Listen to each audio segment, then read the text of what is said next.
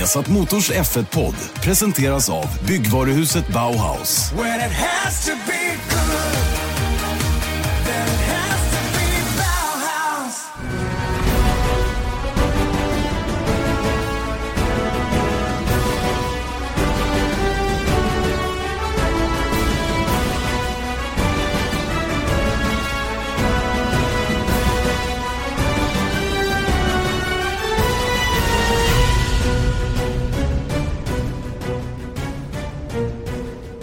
Ja, god dag. Mycket välkomna till eh, Formel 1-podden. Formel 1-podden tillbaka med Janne Blomqvist och Erik Stenborg med senaste nytt ifrån Formel 1-världen.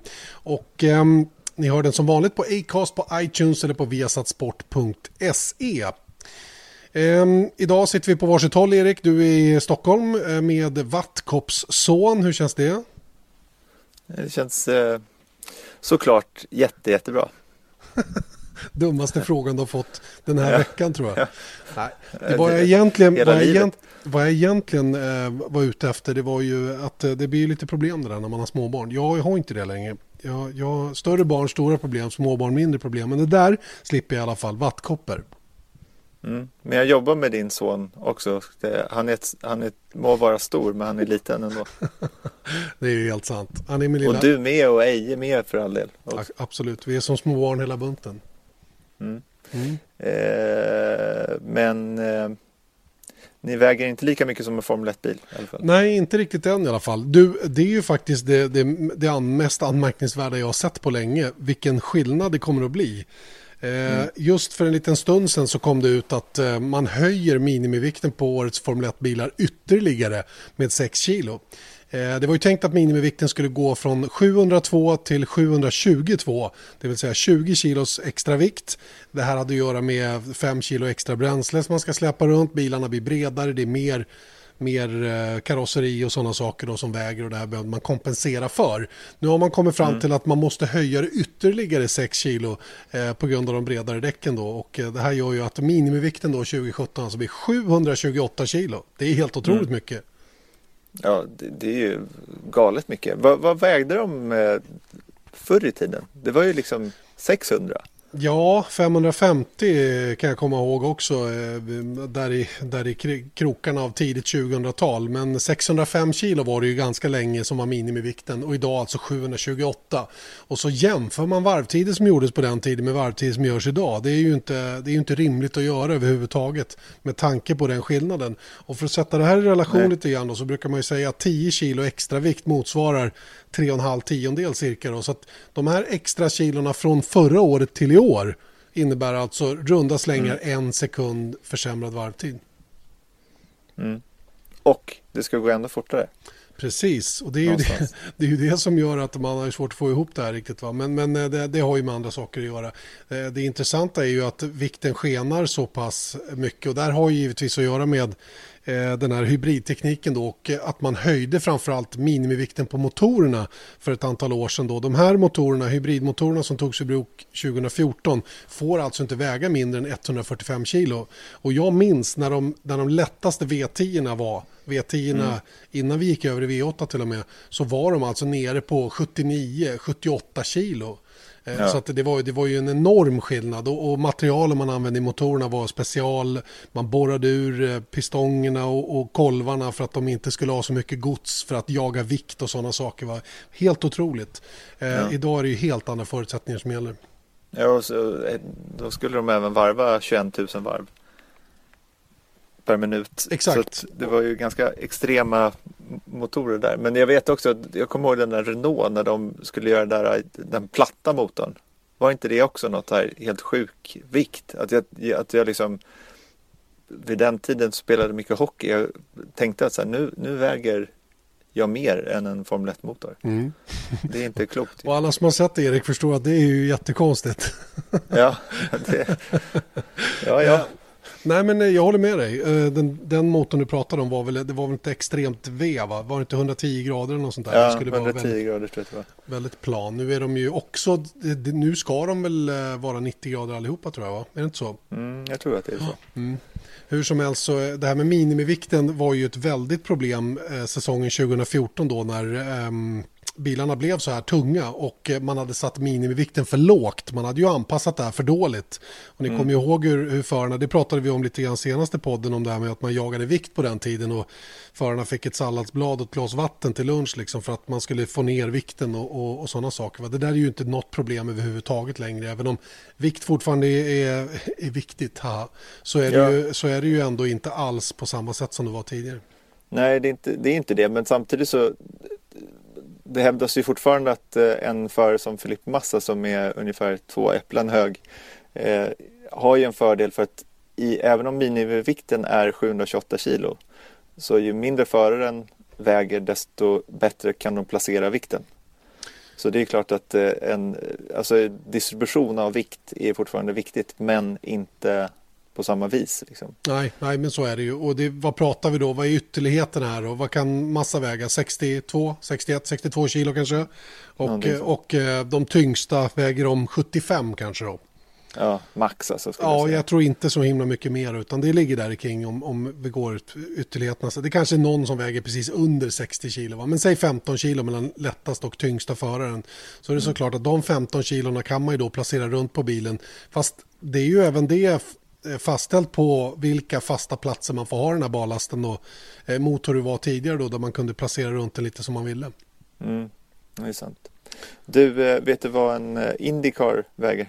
Nej, jag har inte riktigt koll på det, men runt 800-850 kanske. De väger alltså 701 kilo oh. på speedways och Indy 500 och 714 kilo på korta ovaler och eh, Road and Street Courses. Mm. Så att F1 är alltså tyngre än Indycar, mm. det känns ju konstigt. Ja, faktiskt med tanke på hur det var en gång i tiden när man tyckte de här Indycar-bilarna såg tunga och svårkörda ut så är det ju faktiskt eh, rätt anmärkningsvärt att Formel 1 har passerat nu då. Och ändå ja. har en, en, en um, får man väl ändå säga, graciositet. En Formel 1-bil ser ju ändå lite smidigare ut på banan än vad en Indycar gör. Ja, verkligen, verkligen. Ja, det där eh, blir ju mycket snack om givetvis den här högre minimivikten då. Men det sista tillägget på 6 kilo har alltså att göra med att bulk, bulken för däcken så att säga då gör att man tvingas höja minimivikten upp till 728 kilo. Jag såg att eh, Karon Chandok som körde för HRT i Formel 1 och som jobbar för Channel 4 numera, han sa det, han jämförde med 2009. Och det är inte mm. så facit långt bort och det, var, det är skillnaden, skillnaden är alltså 123 kilo. Jesus. Mm, det är mycket, Jätte, jättemycket. Ja, intressant i alla fall. Eh, apropå nya bilar Erik, eh, du har ju också sett bilderna som alla andra har gjort också då med Manor-teamet då när de eh, berättade för alla att eh, de inte tänkte fortsätta och på något sätt tackade för sig. Då tog man fram den här modellbilen som man har då som man, eh, ja, man 3D-printar fram delar till då och försöker bygga ihop Ehm, så som bilen ska se ut så småningom. Då, då fick vi en första föraning på hur 2017 års bil ska se ut. Mm, en ganska tydlig sån. Alltså det är inte ens en föraning utan det är ju liksom, så skulle den se ut, den här bilen. Förutom kanske några små flaps och sånt där. Men, men chassit hade ju sett ut sådär. Hade den kommit ut. Det jag tyckte var lite speciellt på den här. Jag har absolut inte kompetens att göra några analyser av vare sig det ena eller andra. Och hajfenor och, och sådana saker. Det jag tyckte var lite spännande var infästningarna på bakvingen. Som, som precis på, jag tror att det är på Ferraris, um, den här mockupbilen som de har kört uh, däcktester mm. med. Så ser man på vid, vid ändplattorna eller infästningarna på bakvingen hur det går in för att göra mm. plats då för bakdäcken så att säga. Då. Jag trodde att de skulle gå rakt ner på ett annat sätt, eh, men det kanske inte får plats med det med tanke på hur breda däcken är och eh, det var kanske lite förvånande över att det blev just den lösningen då. Eh, en annan som jag tyckte var lite speciell och det, det är ju den här V-formade eller pilformade framvingen då. Det verkar ju vara så som alla, alla bygger sina framvingar. Men de är ju, ja. de är ju stört komplicerade de här framvingarna. Jag förstår inte att, att man fortsätter att tillåta utveckling på framvingarna på det här sättet. Jag läste någonstans vet, att de kommer att ha en framvinge typ per bana nästan till snart. Mm. För att de ska vara anpassade då för alla förhållanden som är. Och det gäller givetvis de rikaste teamen. Va? Men mm. någonstans måste man dra i handbromsen där. För det verkar ju helt onödigt. Ja, ja det, det är ingenting som gemene man skulle liksom wow, kolla där, den där lilla flärpen liksom som är, som är ny. Men, men anledningen till att det är ett V, det är ju enligt reglementet, det måste ju se ut som en sån här delta, vad kallar de det? Just delta, det. Ja. Deltaform, deltaform. Ja, ja. ja en deltaknäck, ja, precis. Om ni tänker er en flygplansvinge så blir ju den flygplan kan ju, den, den lutar ju snett bakåt då och det kallas för deltavinge då. Ja. Och har ni inte redan gjort det så måste ni då googla upp en bild på det här. Så mm. att ni vet vad vi pratar om. Och eh, hajfenan är tillbaka. Hajfenan som, mm. som blev förbjuden i viss utsträckning. Jag, jag gjorde något videoklipp tidigare i veckan där jag sa att den blev förbjuden. Den, den blev inte helt förbjuden men den fick inte sitta fast med bakvingen. Vilket den gjorde och det tog man ju bort. Om ni tittar på en sportvagn, modern sportvagn idag, prototyp Le Mans-bil, så ser ni att eh, de har en, en sån här stabilisator då som går hela vägen bak till bakvingen på den bilen. Eh, och så hade ju även Formel 1 då från början, men det, det blev förbjudet. Man fick ha en liten bit sticka ut, men inte så himla mycket mer än så. Och jag tror att det fortfarande är så att den inte får, den får inte sitta fast med bakvingen så att säga. Men det verkar vara på väg tillbaka i alla fall. Ja, Ja, det är väl egentligen den enda som har haft det är väl Force India. Om man tittar på fjolåret. Att de mm. hade ju en platt del. Liksom. Om man tittar på bak till på motorkåpan så var det ju inte en hajfena men däremot så gick den ut och var ganska skarp.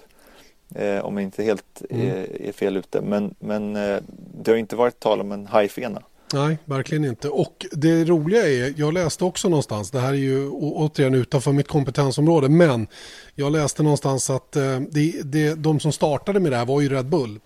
Men det ironiska är nu att när Highfielden är på väg tillbaka så verkar det som om de inte kommer att använda det.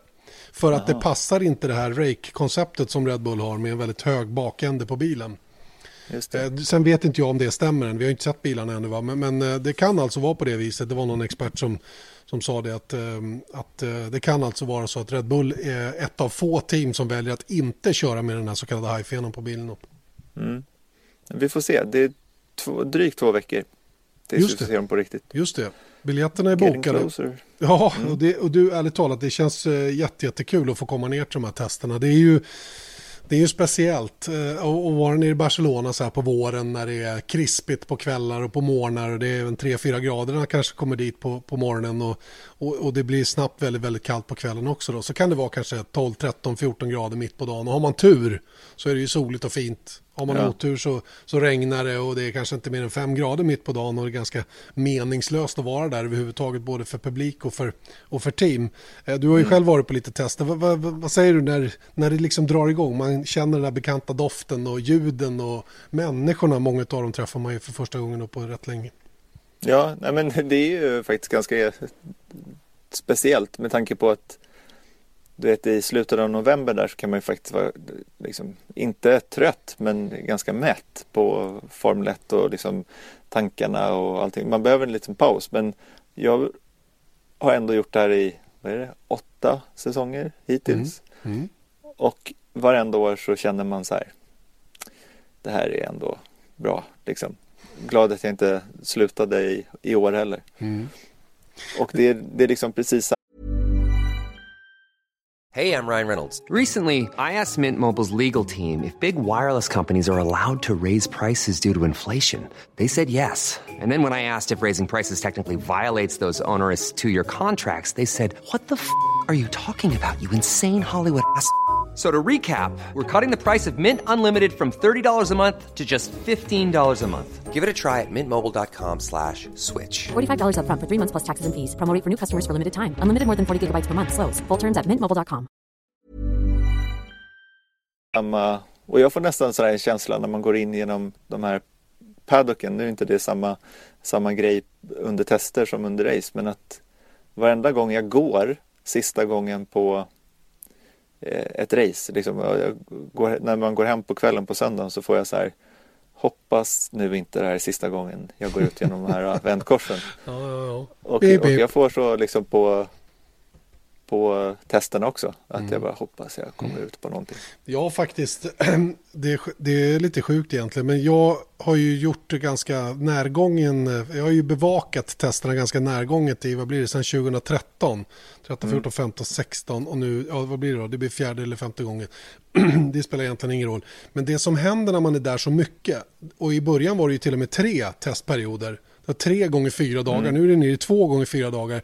Och man var där från morgon till kväll, man jobbade som en slav med att få fram allting som man skulle göra. Och sen när sista dagen var klar, då var det faktiskt samma känsla som det kan vara sista racet för säsongen mm. när man liksom så här, man, man var nästan, åh oh, gud vad skönt att de är klara liksom. Man börjar, man, man, man, ser mönstret, de gör sina stints, de kör sina varv, de åker in, de åker ut. Det händer liksom ingenting va. Och man, man, får den här upplevelsen av att fasen nu, nu känns det som att jag, jag har sett tillräckligt. Och sen så går det ändå bara två, två och en halv vecka så är man där till premiären och så är man hur laddad som helst igen. Mm. Fascinerande. Nej, det, det, är en, uh, vad heter det? En drog? Ja. Nej, men det är bug, racing bug kallar ja, man det. Det stämmer ju faktiskt rätt väl. Och du, jag vet att det är många som, som är sugna att åka ner till Barcelona. Det är ju förhållandevis billigt att åka dit. Ja, I alla fall den andra testen är det någorlunda vettiga priser både på flyg och hotell. Första testen av någon anledning så brukar den krocka med någon telekommässa där nere och det gör att priserna skjuter i höjden lite grann. Men åker man ner till andra testen så eh, gå in på, på banans hemsida, Circuit de Catalonias hemsida så finns en länk där eh, biljettpriser och sånt står. Eh, jag läste mig till att det kostar från 18 euro per dag Oj. Eh, att gå in. Och det är inte så mm. mycket. 180 kronor eller ja, runda slängar där och, för att gå in och titta på det en, en dag. Och en dag kan faktiskt räcka.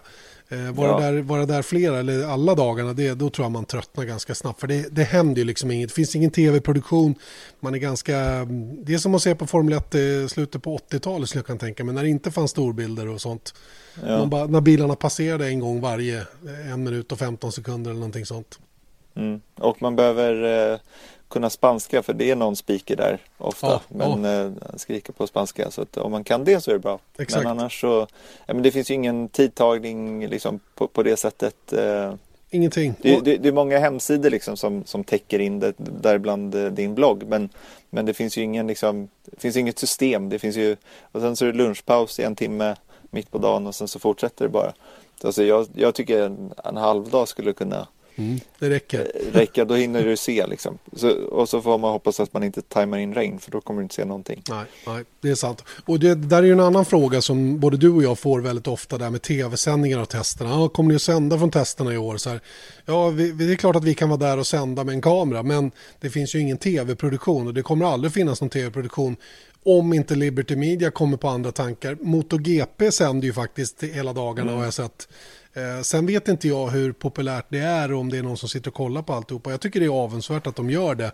Men Formel 1 har hittills inte visat något intresse för att heldagssända från testerna. Det jag skulle kunna tänka mig funkar, eh, rätta mig om jag fel, men ett två timmars magasin som FOM mm. producerar till exempel med, med bilder från sina egna kameror utsatta längs banan där de klipper ihop något form av highlights-paket eller Kanske till och med har en liten ministudio där folk pratar och analyserar det de har sett. Det tror jag skulle kunna funka. Va? Men, men en, en, en åtta timmars direktsändning från testerna, det, det, det är dödligt tråkigt.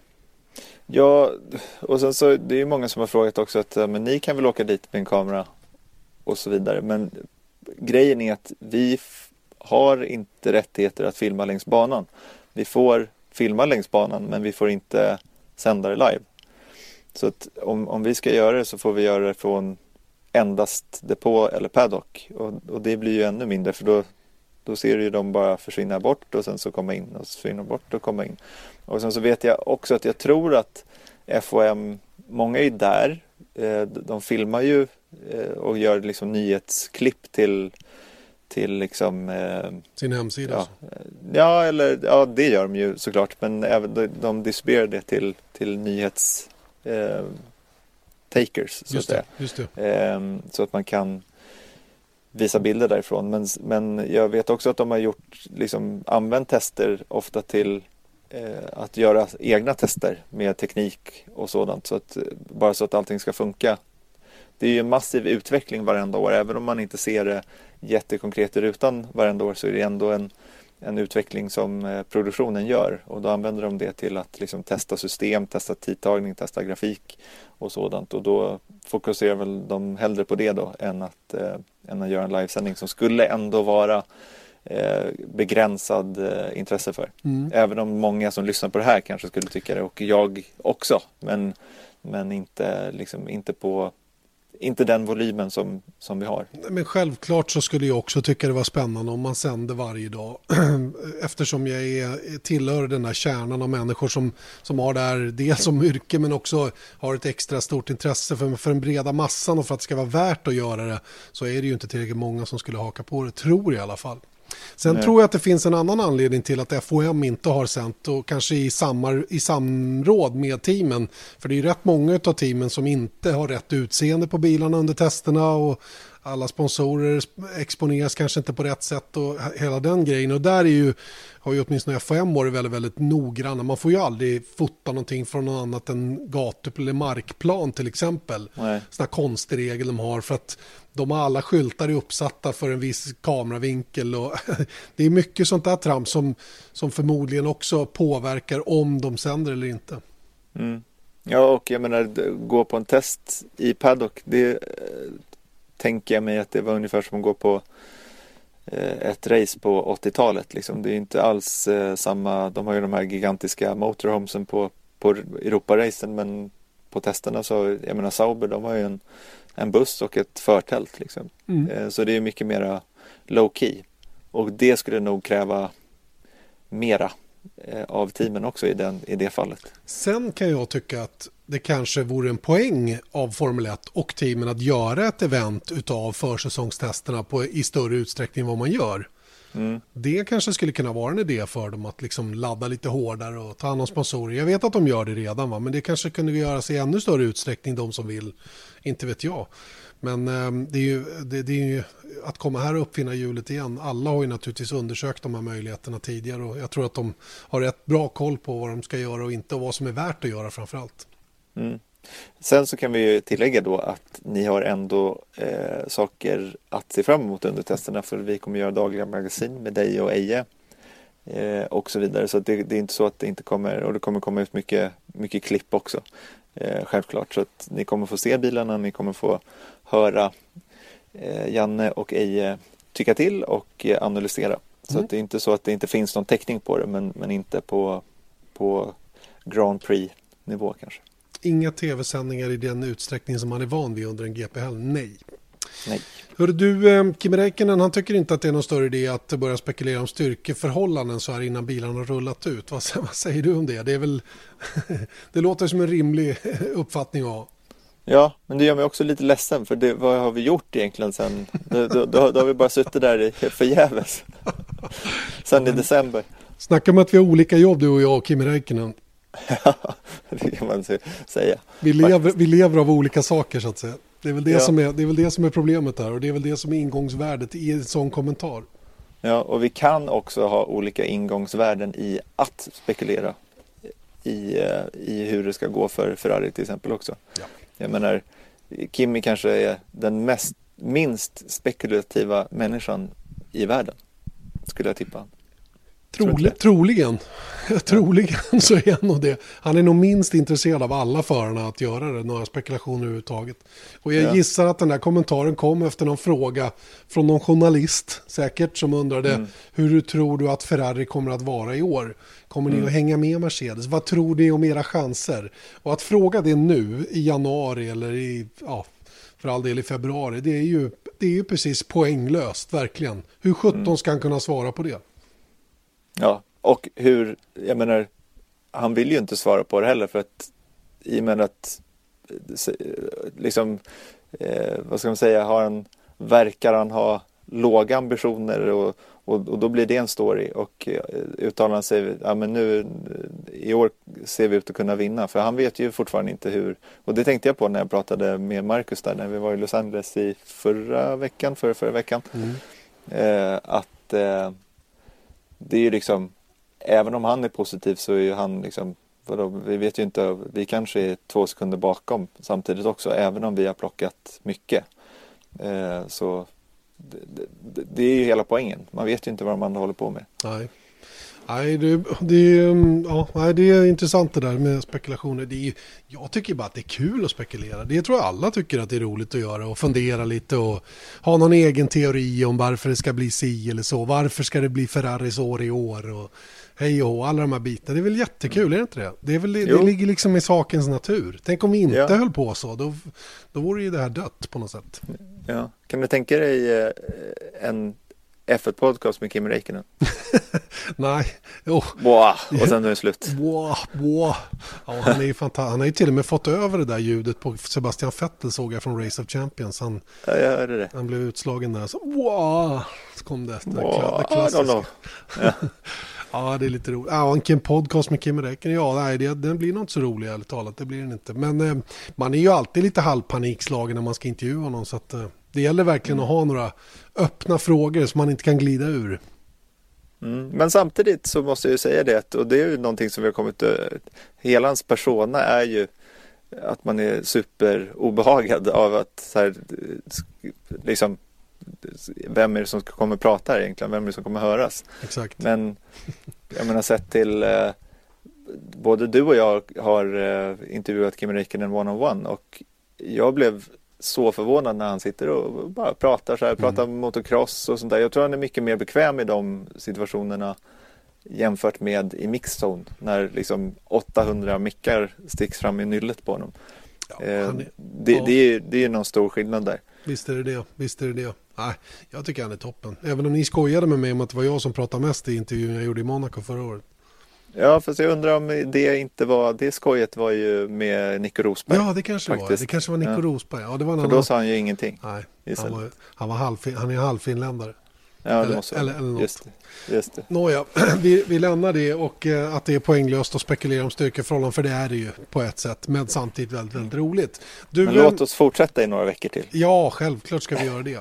Men eh, innan vi fortsätter spekulationen så kan vi konstatera fakta i en fråga i alla fall, nämligen att Paddy Lowe nu flyttar till, eh, till eh, Williams och att det här nu är helt klart.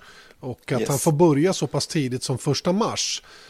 Och jag tyckte att det var initialt tyckte jag att det var lite eh, fundersamt. Eh, att de var så pass generösa hos Mercedes att de bara släpper honom eh, rakt över och att han kan börja jobba på en gång. Jag är lite, lite osäker nu på hur sådana gala garden leave fungerar. Om man åker på en garden leave när man hoppar av ett kontrakt som det kanske är ett år kvar på eller någonting. Där, Vilket förmodligen innebär att man är väl in, involverad i, i programmet eller i Want flexibility? Take yoga. Want flexibility with your health insurance? Check out United Healthcare Insurance Plans. Underwritten by Golden Rule Insurance Company, they offer flexible, budget friendly medical, dental, and vision coverage that may be right for you. More at uh1.com. Say hello to a new era of mental health care. Cerebral is here to help you achieve your mental wellness goals with professional therapy and medication management support. 100% online. You'll experience the all new Cerebral Way, an innovative approach to mental wellness designed around you. You'll get a personalized treatment plan from a therapist, prescriber, or both in a safe and judgment free space. Your cerebral therapist or prescriber will outline a customized plan with clear milestones along the way so you can get to feeling your best. With Cerebral, you're not alone in your mental health journey. We're here to empower you to live a fulfilling life.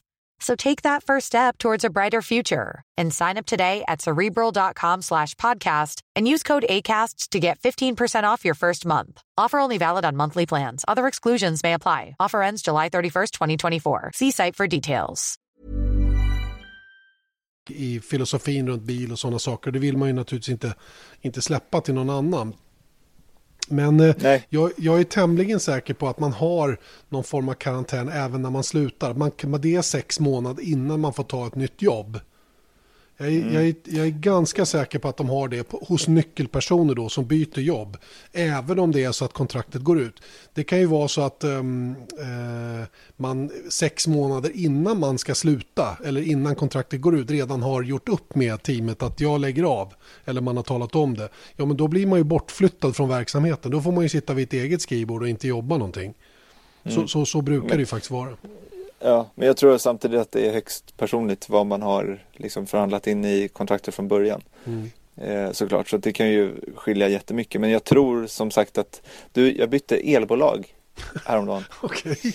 Och eh, den som ringde var oerhört över, övertygande. Så jag bara, "Ja, men då kör vi på det. Men sen så visade det sig att då fick jag ett, ett papper från det, det elbolaget som jag skulle flytta ifrån. Att nej, eh, nu har jag gjort kontraktsbrott. Det kostar 750 spänn. Okej. Vilket det, det, det hade liksom sparat på det nya elbolaget, det skulle väl ta tre år att komma fatt på det. Så jag är kvar med det gamla. Okay. Och det är väl säkert lite samma princip.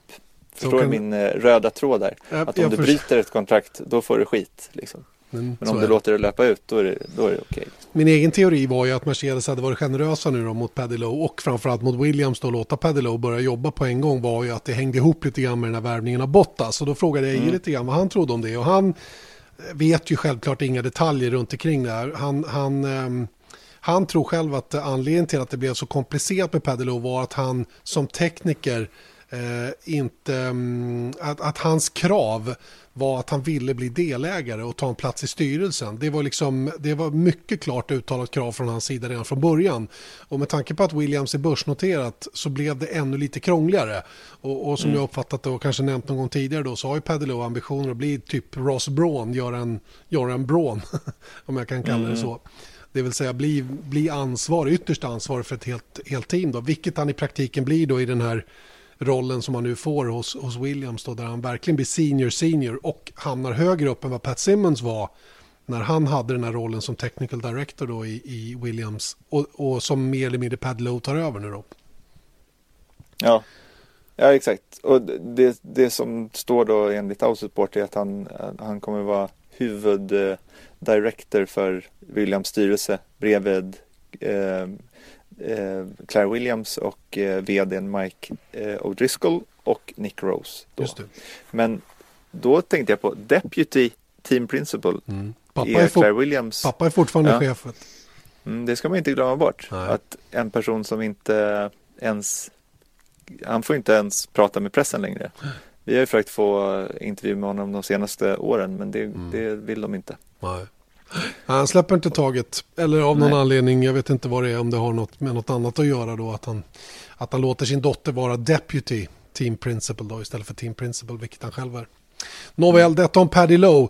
Eh, varför är det här viktigt med Gardenliv? Jo, det är ju för att ju fortare han kan komma in i verksamheten och implementera, implementera sina idéer och, och filosofier, ju snabbare kan ju Williams ha nytta av det. Sen att mm. inte det sker 2017, kanske inte ens 2018, men 2019, det är av avgörande betydelse för Williams givetvis. De vill ju så snabbt som möjligt få honom att kunna påverka saker och ting redan 2018.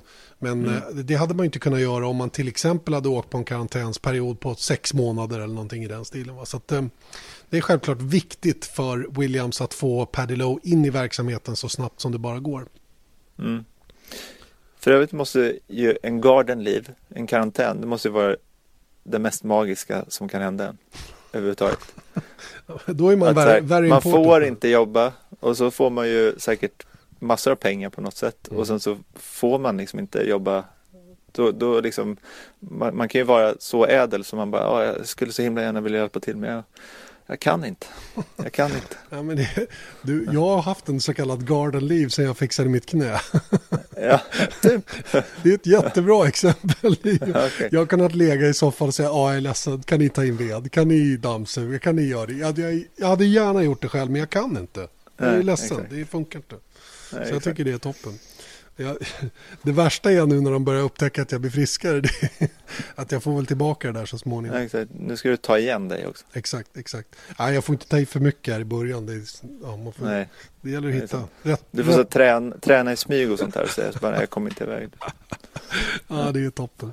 Ja. Du, eh, nu när vi ändå skrattar lite grann och har lite roligt här så kan vi väl eh, nämna någonting som vi faktiskt kommer att ha nu då. Möjligheten att ställa frågor till oss, en så kallad lyssnarfråga. Hur går det till? Mm. Det går till så att man får skicka detta till eh, Janne eller mig såklart på Twitter. F1 Janne B har du. Ja. Eh, där, och sen som det är någonting som ni känner att eh, jag skulle vilja att det här togs upp. Eh, då skickar man helt enkelt in och sen så väljer vi ut eh, något varje vecka som vi tycker är relevant och eh, intressant och kanske en ny eh, infallsvinkel på något. Eh, helt enkelt. Mm. Och eh, där, i och med att det är en podcast så ska vi försöka göra det så att, den, att vi kontaktar tillbaka den som har skickat den här eh, frågan via Twitter. Så får man banda in sin fråga och så höra sin alldeles egna röst i Sveriges bästa sportpodd. sportpodd. Det är stort ja. det. är stort ja. Och ni når oss ju även på Facebook eller vad det nu kan vara. Även via Satt Motors Facebook funkar väl antar jag. Mm. Att, Men eh, du, vi håller oss till våra egna för tillfället i Ja, alla men fall. vi. Okej. Tills vi kanske får en plattform för det här själva. Det är bra. Eh, för, Ja, Så att vi vet vad vi ska rikta saker till. Twitter är alltså bra till att börja med då. Mm. All right. och eh, vi har faktiskt en lyssnarfråga idag redan som vi har fått in. Därav att vi startar här lite grann för det här är kul tycker jag. Eh, Den här eh, lyssnarfrågan kommer från Oskar som undrar följande. Hejsan, mitt namn är Oskar Bergqvist och eh, jag skulle vilja börja med att säga att jag tycker det är för lite prat om Jannes knä i podden. Det är alltid intressant att lyssna på det. Eh, min fråga till er är, vilken stallchef och vilka två förare skulle ni välja till ert Dream Team? Eh, jag skulle välja Braun och Arton Senna som skulle få sällskap av Alonso. Tack för en jättebra podd. Hej! Jaha, där ser man. Det finns någon som tycker jag pratar för lite om mitt knä alltså. Jag tycker det var det bästa. Och speciellt tajmingen på det här. Att du, att du drog till med den. Ja, men eller hur? En referens. Alltså du har en unik förmåga att dra Formel 1-paralleller till ditt knä. Ja, men, det är mitt liv. Herregud, både knät och Formel 1. Exakt. Och mitt Man knä- vet vad som rör sig i ditt huvud. Att du drar så här, ja, Pat Simmons Garden Leave, ja det är precis som jag har eh, Förra veckan var det att så här, vikt i Formel 1-bilar med bränsle. Ja, det var precis som när jag opererade knät också med, jag hade en, en halv liter urin i, i kroppen. Det är ju världsklass. Allt jag ens tänkt på. Jag är Ja, lite bra. självupptagen som ni märker. I alla fall gravt påverkad av ditt knä i alla fall. Men ni fattar ju att jag har gått länge med det här skiten. Man blir knäpp i huvudet till slut. Och Ja, nu det var ju tack vare. Oskar så får det bli slut på det här. Ja, vi lägger ner det. Det blir inget mer nu. Eh, men han frågar också då, eh, ett dream team, det får du börja med eftersom eh, jag måste tänka lite. Han hade ju då Ross Braun, Ayrton Senna och Fernando Alonso. Mm, okej. Vilket jag tycker inte är, är något dumt val. Men jag tänker så här lite, det är så sjukt svårt att om man tänker sig, okej, då ska vi sätta, man kan ju inte sätta Fangio i det här. Om, om man tar i backning att han kunde ju bara köra 50-talsbilar. Han var inte så tränad. Han var inte så, så. Du får jag tror inte man får ta det. Du får man får lyfta ta blicken sina, lite här nu. Ja, exakt. Man får, eh, jag ska inte komplicera saker. Nej, Nej, men eh, Ross Braun eh, tycker jag. okej. Gärna tillsammans med Rory Byrne. Mm. Kanske Jean Tott. Mm. Men det hör inte hit. Men Ross Braun och Michael Schumacher. Michael Schumacher 2001 Mm. vill jag ha. Och sen så... Ja, jag tror inte Senna och Schumacher skulle funka så bra. Det var dumt att släppa det här kände jag till dig först. För Ja, nu har du tror det. tagit alla godbitar. Ja, men nu, du kan fortsätta så får du ta annat. Ja, men jag tänker så här. Du säger Ross Braun och det säger Oskar också som teamchef. Och det vet inte jag om jag skulle ha honom som teamchef. Jag har ju sett honom lyckas bäst i andra roller än just teamchef. Så därför så sätter jag Jean Tott. För är det någon som har en, ett odiskutabelt eh, facit och, och record i Formel 1 så är det Jean Tott. Han, är ju hel, han, han hade ju sådana enorma framgångar tillsammans då med Michael Schumacher. Det är väldigt lätt att stoppa in Michael Schumacher i den ena bilen då. Så Jean Tott och Michael Schumacher, det, det blir en bra halva. Sen är jag inne på precis som dig att, att um, det naturliga vore då att stoppa in Ayrton Senna intill. Mm.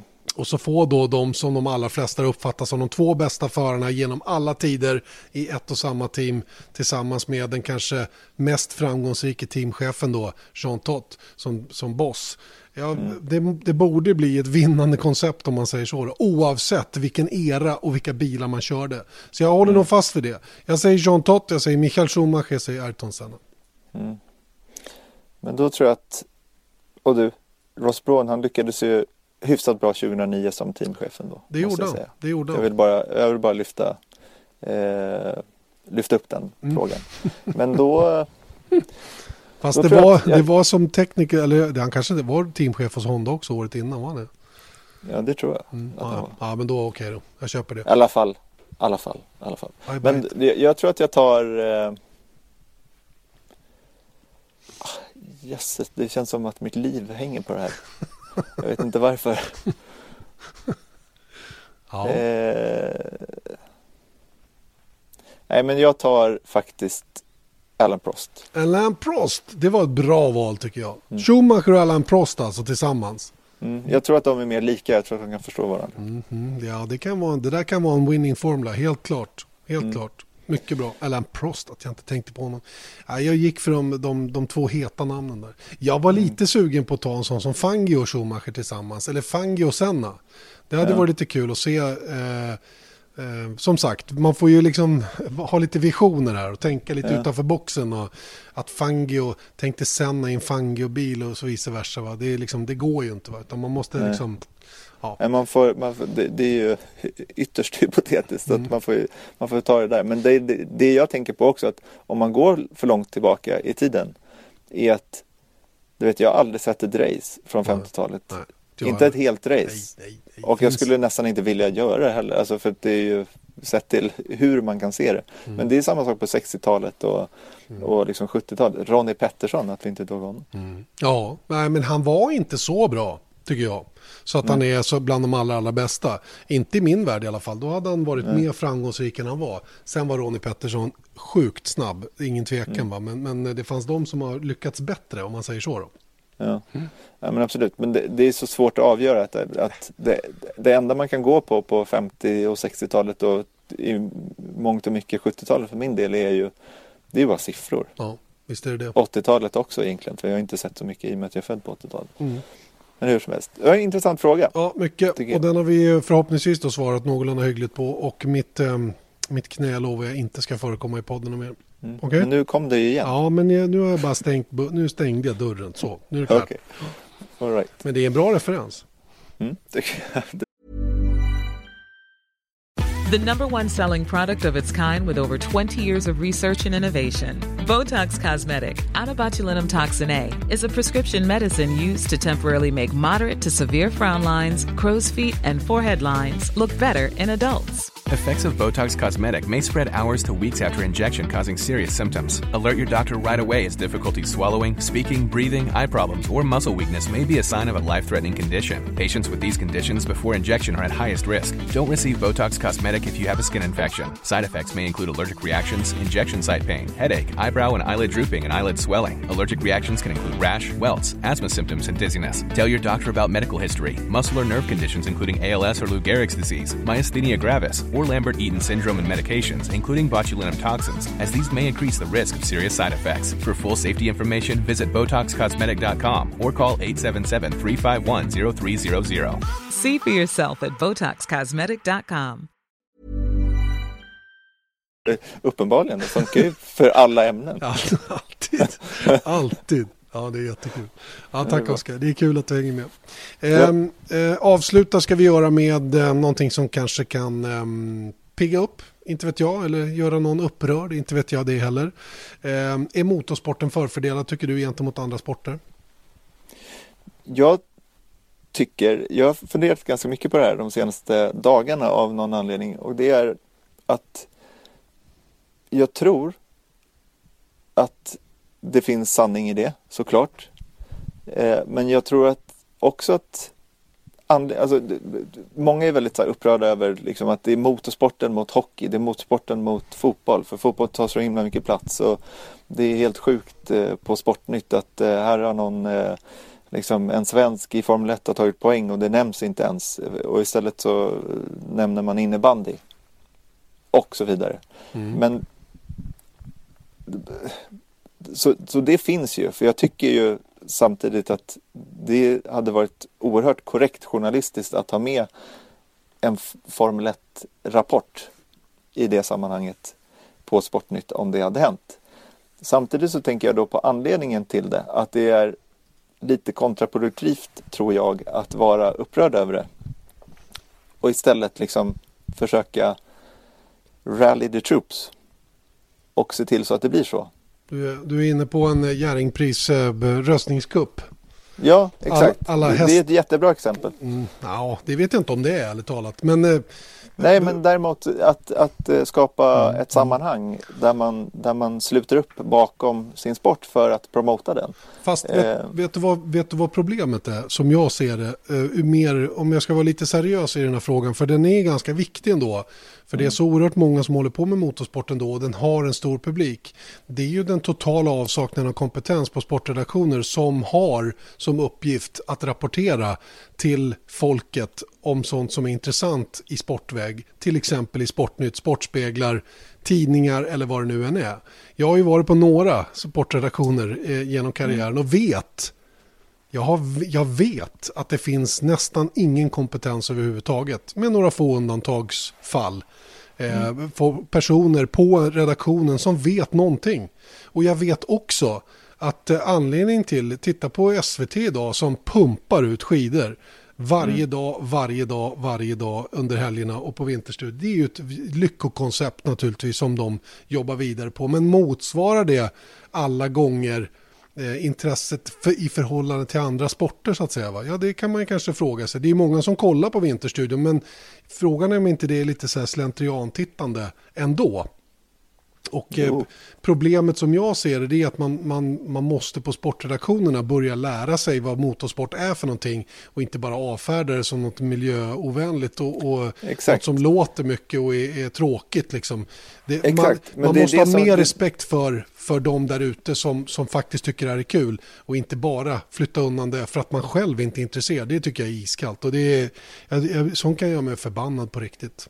Jo, absolut. Och det är lite precis min poäng i och med att vi, det här är ett faktum att det ser ut så här på många, många sportredaktioner. Och då måste man ju försöka påverka det. Mm. Och det är precis det jag menar med, om man ser till, nu har inte jag de här siffrorna i huvudet, men jag tror att så här, sett till ridsporten, den är sjukt stor i Sverige. Nej, så, nej, nej, nej. Ja, nej, det är hur många som helst som håller ja, på med som hästar. håller på med hästar ja. Men det är ja. inte så himla många som tävlar. Och det där måste man också skilja på. Menar, ja, ja, men vadå? Du, du kan ju inte bara göra en sportträning för sånt som är utövare. Själv. Utan det pratar jag om, om intresset. Och det är det jag menar. Att, och sett till då vad som hände med Jerringpriset när Peder Fredriksson som tog OS-silver mm. vann eh, Jerringpriset mm. på Idrottsgalan härom eh, sistens.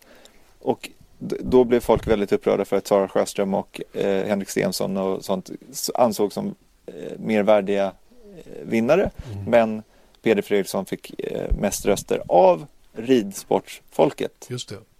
Och, hur och många, det är det jag pratar om. Och hur många av det ridsportsfolket hade sett den här eh, finalen i OS när han tog sitt silver tror du?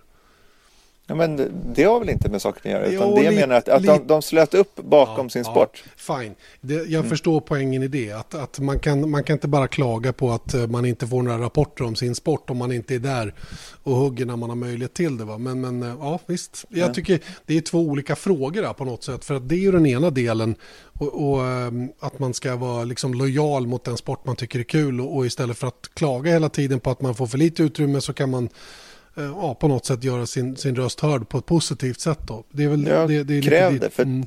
för det är det jag menar också att det, det, måste efterfrågas också och inte bara så här om någon gör någonting fel och så säger, eller om SVT inte visar Formel 1 på Sportnytt ja, då går man och blir förbannad. Men då mm. kan man ju höra av sig till SVT istället. Ja, du menar till så. exempel. På ett ja. lite konstruktivare sätt kanske. Ja, mm. för att göra det då. Mm. För det är det jag tänker också lite med så här, jag vet att intresset för motorsport är jättestort. Mm. Eller det ser man ju bara på våra mm. tittarsiffror och mm. intresset som vi har eh, på Viasat Motor stort. Det, det finns där. Det är ingen snack om saken.